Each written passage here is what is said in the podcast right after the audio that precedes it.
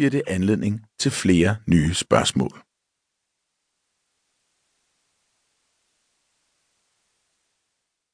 Solsystemet Min egen fascination af universet begyndte med solsystemet.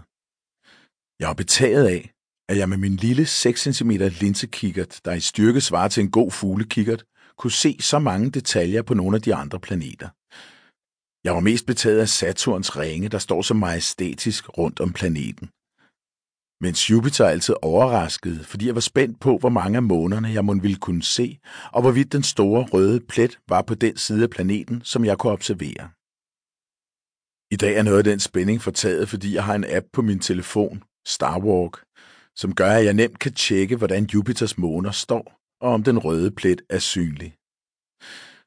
Men selvom jeg nu ved, hvad jeg kan forvente at se, når jeg sætter øjet til kikkerten, så er suget i maven intakt, når jeg ser planeten hænge der med sine små måner, der blot kan ses som lysprikker.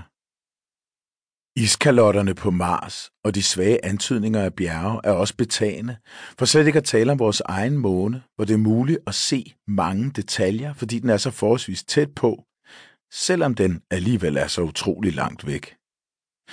Jeg bliver til stadighed helt åndeløs, når jeg betragter alt dette, selvom jeg nu har set det rigtig mange gange. Udover solen og de otte såkaldte klassiske planeter, som kredser omkring den, består solsystemet af tusindvis af måner, dværgplaneter, asteroider og kometer.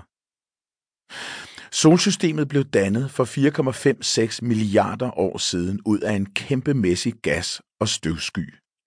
Solen blev dannet i midten som en ny stjerne med en skive af gas og støv rundt omkring sig.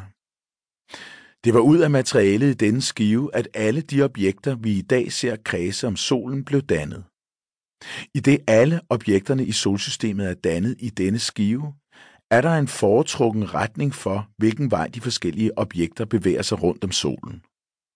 Der er også en foretrukken retning i forhold til, hvordan planeterne roterer omkring deres egen akse. Planeterne i solsystemet opdeles i de indre jordlignende planeter, Merkur, Venus, Jorden og Mars, og de ydre gasplaneter Jupiter, Saturn, Uranus og Neptun. De indre jordlignende planeter består af klippe og har en fast overflade, ligesom Jorden, så man i princippet kan lande på dem og gå rundt på deres overflader. De ydre gasplaneter består, som navnet antyder, af forskellige gasarter og udmærker sig ved ikke at have nogen fast overflade. Mellem de indre og ydre planeter ligger asteroidebæltet, som er et bælte af små planeter, asteroider, der kredser om solen.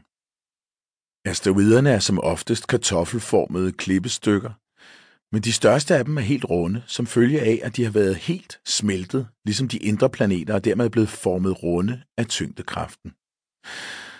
Asteroider kan have alle mulige størrelser fra helt små sten og op til dværgplanetstørrelse.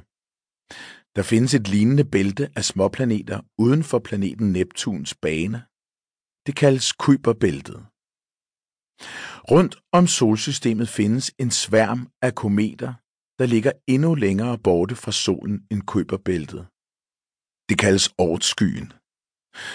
Kometer er klumper af støv og is, vi ofte betegner som snavsede snebolde, med en typisk diameter på 10-50 km. De består af materiale, der blev til overs, da planeterne blev dannet. Indimellem bliver en komet skubbet ud af sin bane og får en ny bane, der fører den ind i det indre solsystem. Er banen sådan, at kometen kommer tæt på solen, begynder isen at smelte. Den smeltede is danner en halo omkring kometen, og ud af den gas opstår den hale, der giver kometer deres karakteristiske udseende. Det er ikke muligt at observere kometerne i årtskyen direkte, da de er for lyssvage, så vores vurdering af, at årtskyen består af milliarder af kometer, er udelukkende baseret på, at vi observerer omkring fem kometer om året, der bevæger sig ind i det indre solsystem. Når der kommer en håndfuld per år, og vi må forvente, at det er noget, der er sket i hele solsystemets levetid, så konkluderer vi, at der må være et reservoir af rigtig mange kometer i årskyen, også selvom at vores kigger der pt. ikke er skarpe nok til at se kometerne direkte. Hvor mange planeter der egentlig er i solsystemet er pt. lidt uklart. For nye computerberegninger baseret på, hvordan de små planeter, der